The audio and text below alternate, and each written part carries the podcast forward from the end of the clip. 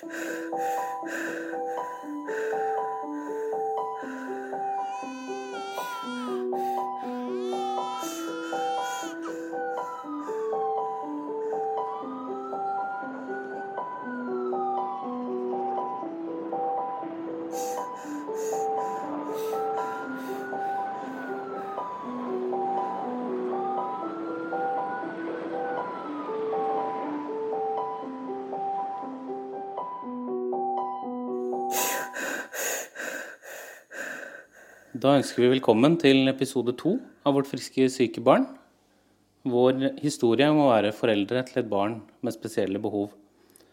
Og Marita, vi må vel begynne med å si tusen takk. Ja, det er veldig mange som har lytta, og vi har fått så mange fine og koselige tilbakemeldinger, så det har vært veldig hyggelig. Ja, det var skikkelig fint å se. Så, så tusen hjertelig takk til alle som hører på og har gitt hyggelige tilbakemeldinger til oss. Eh, I dag så skal vi jo skru tiden ganske langt tilbake. Og vi tenkte vi skulle snakke litt om, om forventninger. Ja, og jeg har funnet frem noe som du kanskje kjenner igjen? Ja, det gjør jeg. For nå står jo glitterboksen foran oss her på bordet. Og for meg så er jo glitterboksen egentlig litt definisjonen da, på, på glede og forventninger over det å, å skulle bli pappa. Og du kan jo kanskje hjelpe lytterne litt, eh, de ser jo ingenting, Nei. med å fortelle hva, hva er egentlig glitterboksen? Eh, det er jo egentlig bare en eh, gaveboks i glitter som jeg Eller la en bok oppi som jeg hadde lagd selv. Og et sånt lite babytørkle. Så det er ikke noe sånn voldsomt Det høres jo mer fancy ut enn det der. Men det var en bok som jeg begynte på når vi ble sammen, med minner om eh, Eller om minner som vi hadde sammen fra den tida. Og så var jo hele planen at du skulle få den når eh, jeg blei gravid. Og det gjorde du. Ja. Og så fikk jeg også en telefon. Ja.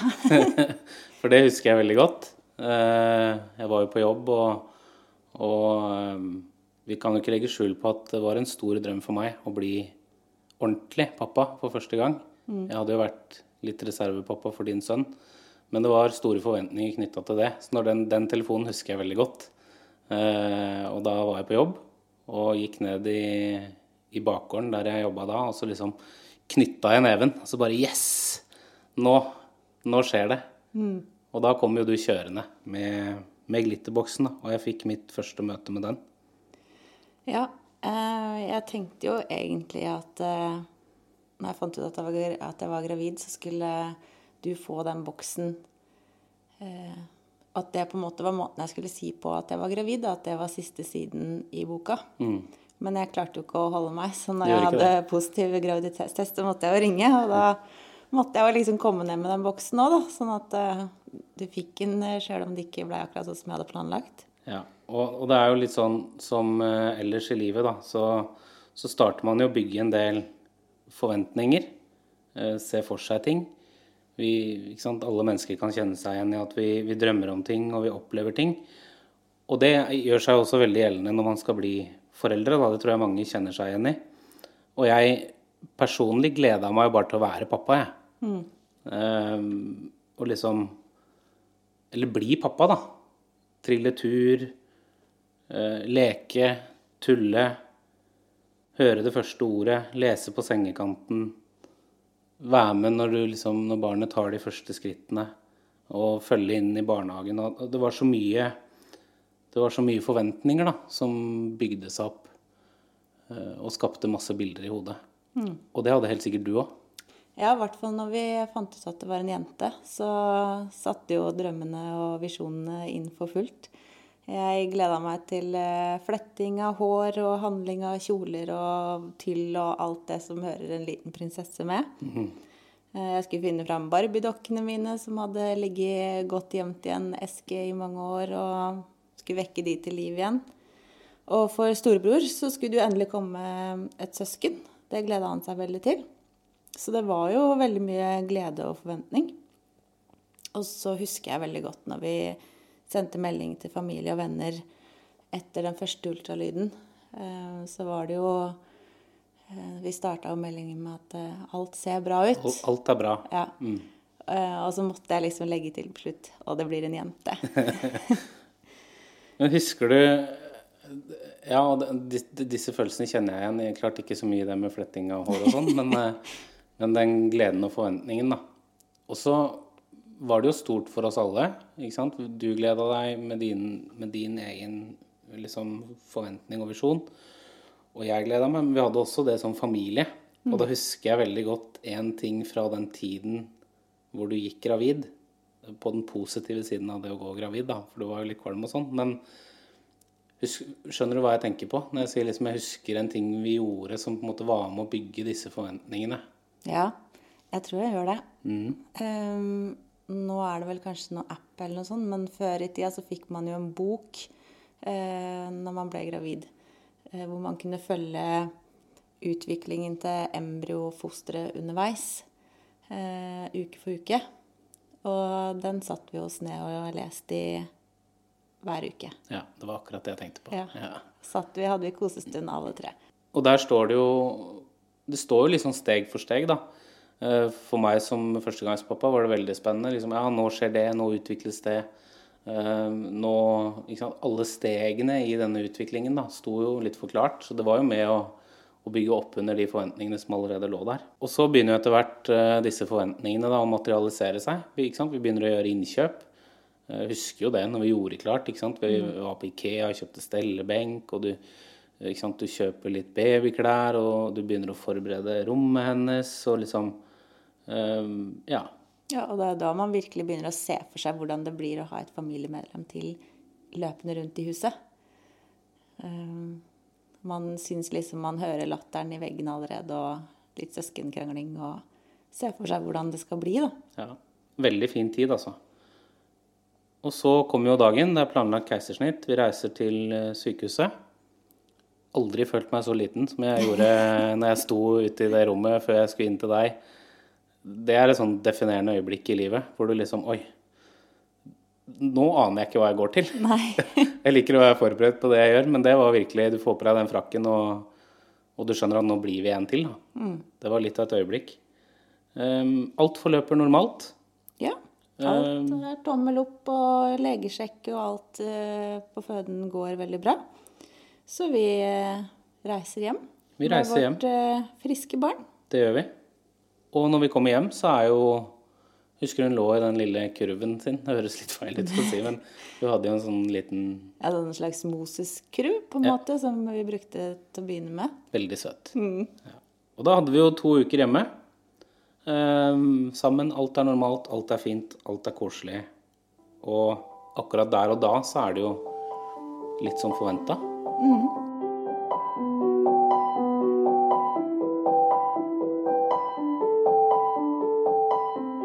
så endrer ting seg. Ja. Det som ehm, ble for oss, er jo at det starter eh, en utrøstelig gråt. Eh, Karoline begynner å gråte. Ti til tolv timer om dagen. Og det er eh, ingen av oss som egentlig helt skjønte hva som var galt. Altså det er ingenting som kunne stoppe det. Vi prøvde å vogge, vi gikk rundt i huset. Eh, Vi trilla, vi prøvde alt mulig rart, men det var ingenting som klarte å stagge den eh, gråten. Ingenting hjalp. Og da snakker vi om etter et par uker, gjør vi ikke det? Jo. 10 til 14 dager.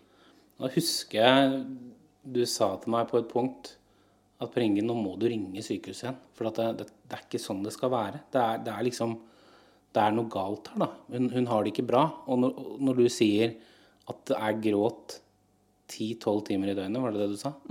Det, det er jo faktisk også realiteten, da. Ja. Det, var, det er ikke en overdrivelse, det er kanskje nesten heller en underdrivelse. Ja, og det er ganske heftig. Ja, og i hvert fall når du ikke klarer å stoppe det på noen måte. Når det ikke noe av det du gjør, får respons. Og da begynner jo egentlig en, en ny tid, da, på en måte. Ja, da begynner vi jo å jakte på svar, da. På hvorfor hun gråter. Eh, Og først, eh, første de sa, var jo dette her er jo kolikk.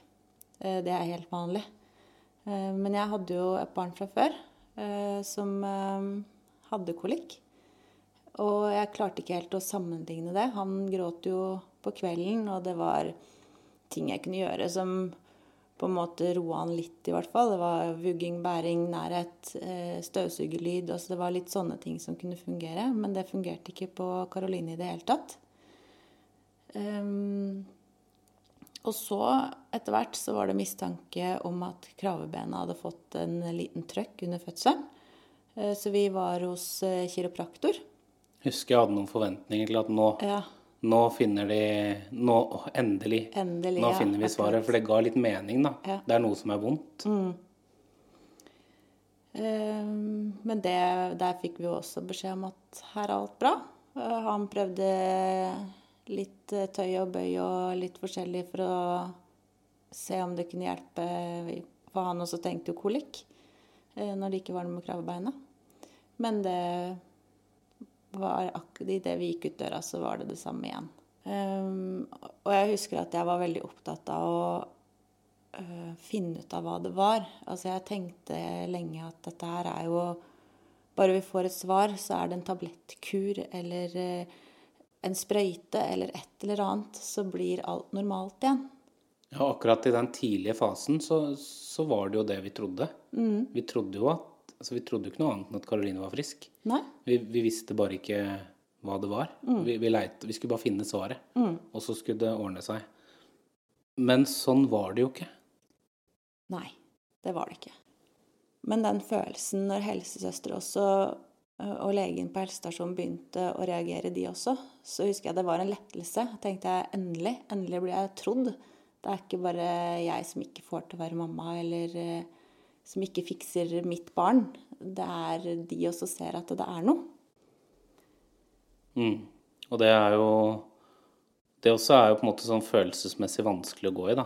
Ja. For du Da blir det plutselig mye mer alvorlig, og man skjønner kanskje på en annen måte at det faktisk er noe gærent. Altså at det er noe gærent på en annen måte enn litt sånn uskyldig. Ja, man går litt over fra den der tiden hvor man tenker at det er en sprøyte eller det er en pillekur, eller til å Og kanskje man, man går jo inn i en fornektelse.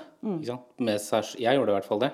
Og det gjorde sikkert du òg. Og det, vi snakka jo ikke om dette sammen i den tiden. Vi gikk på en måte med hver våre følelser. Men noe av det samme, kanskje, da.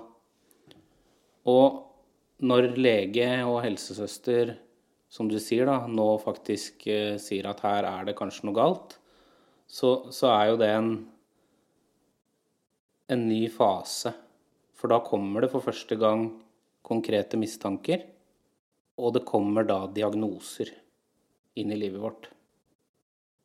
Ja, for da begynte det jo for første gang å komme konkrete mistanker. Det var ikke lenger sånn at uh, man sa Men hun bruker så mye energi på å gråte, så det er derfor hun ikke får til det andre får til, eller Da begynte det å komme diagnoser.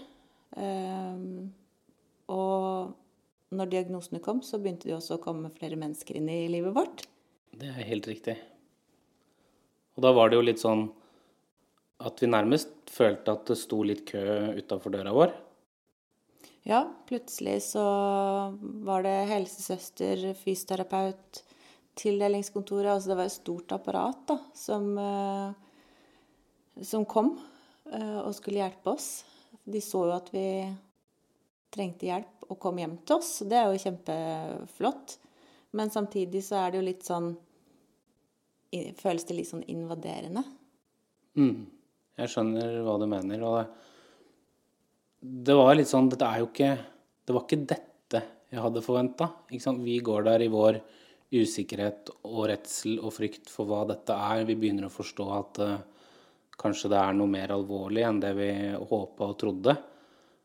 Men det er inni oss personlig, i hvert fall for min del, så var det sånn Dette er ikke det jeg så for meg. Dette er ikke Dette, dette er jo ikke sånn det er å være pappa. Å bli pappa. Nei. Det var eh, Det var vel der de første drømmene begynte å bli knust. Ehm, Jeg husker at jeg hadde store planer om eh, masse kafébesøk. Jeg hadde en venninne som var gravid eller fikk baby likt som meg. Så jeg så jo for meg masse kafébesøk med henne. Jeg så for meg eh, trilleturer, oss fire Eh, altså det er jo mange ting man begynner å planlegge i hodet sitt allerede når man er gravid, da. Som vi snakka om i stad. Ja. Og det er de forventningene og de bildene som nå egentlig fullstendig krasjlander. Det knuses. Og i retrospekt så er det jo Nå beskriver jo vi det å få hjelp som, som invaderende, men det var følelsen der og da. I retrospekt er det fantastisk Ja. at vi bor i Norge og vi får den hjelpa vi trenger. Men på et personlig plan, følelsesmessig, så var det utrolig vanskelig. Og så husker jeg jo en, en dag spesielt godt fra den tiden her, og det er jo Vi har stått i det i noen måneder. Karoline gråter og gråter og gråter. Vi går i vår sorg, i vår usikkerhet. Og så husker jeg en dag spesielt hvor du sitter på gulvet inntil kjøkkenbenken på den ene siden. Jeg sitter på gulvet inntil kjøkkenbenken på den andre siden. Karoline ligger i vogna midt i rommet og gråter. Og vi er altså så slitne. Så til slutt så ringer du din mamma, jeg ringer min mamma, og så sier vi nå, nå må dere bare Nå må dere hjelpe oss. Nå må dere komme og hente Karoline. Hente barna. Ja. Eh, det er vanskelig å si, men eh, det var også vanskelig å kjenne på at dette her fikser vi ikke. Vi, nå er vi så slitne at vi må ha en pause.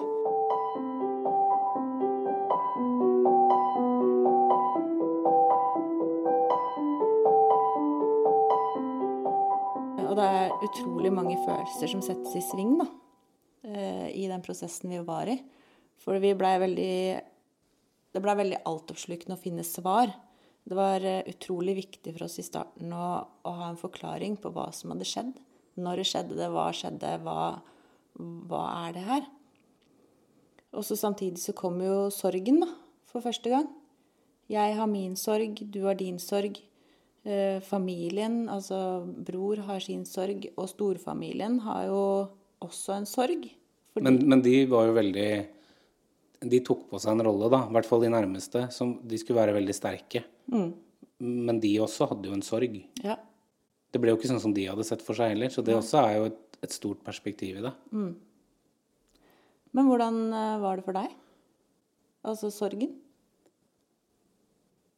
Nei, jeg husker det som en veldig ensom tid. Um, man er lei seg og redd, eh, og alle de forventningene og det bildet man har skapt seg i hodet, det skjer ikke, da. Det kommer ingen ord. Eh, hun snur seg ikke rundt. Og alt det vi leste i den boka som vi snakka om i stad, eh, når du var gravid, det, det skjer jo ikke. Forventningene innfris ikke. Det blir ikke sånn som du har tenkt. Og det var utrolig vondt og vanskelig. Og så føler man seg liksom så alene. Man, man føler at ingen rundt forstår.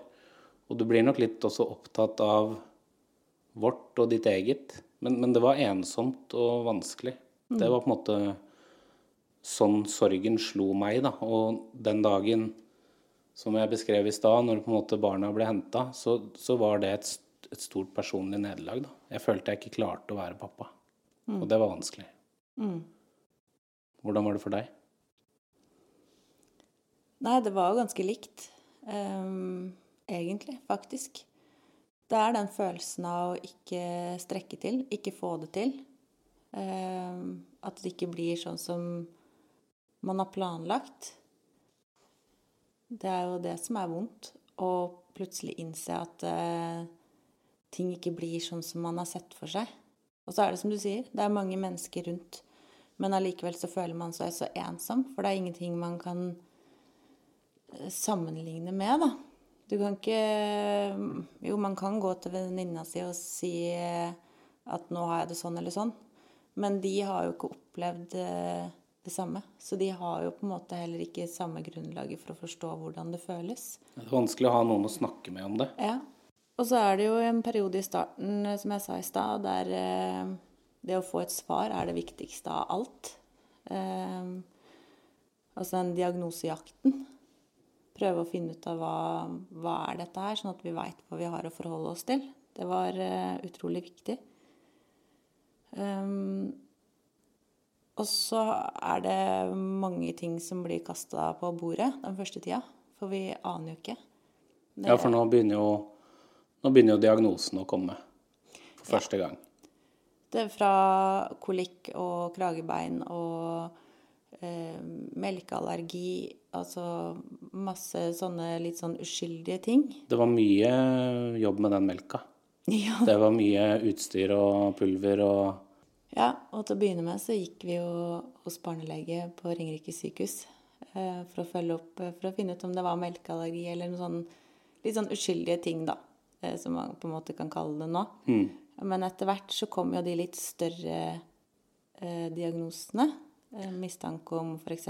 Downs syndrom. Eh, det blei tatt kromosomtest.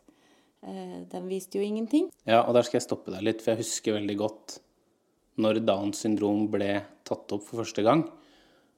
Det var på en måte den første store diagnosen da, som blei presentert. Før det så var egentlig diagnosen forsinka motorisk utvikling. Jeg husker jeg, jeg fikk den beskjeden på telefon at man kunne mistenke at det var det, for da spurte jeg.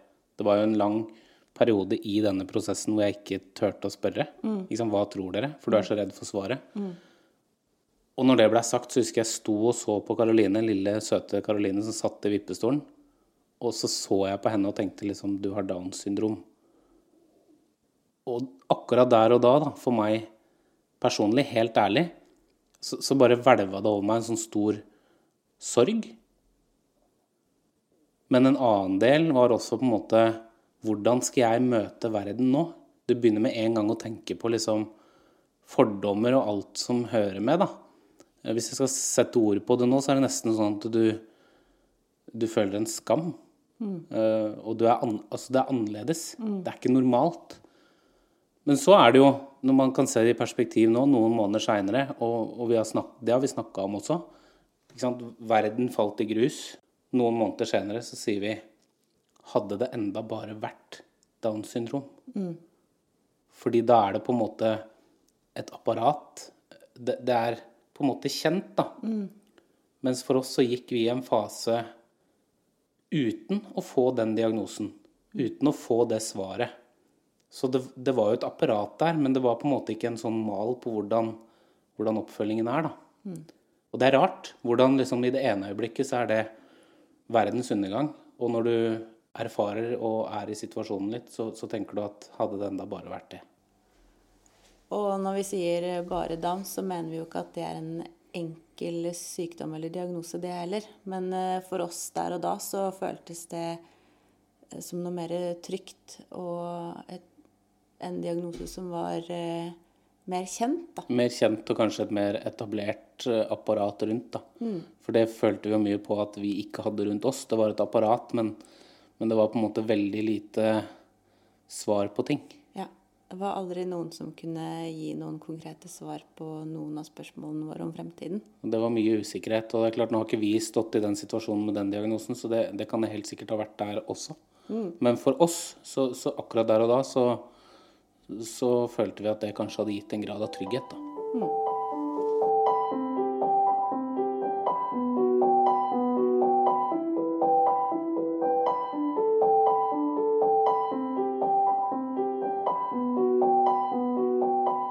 For etter hvert ble det jo kasta frem nye diagnoser.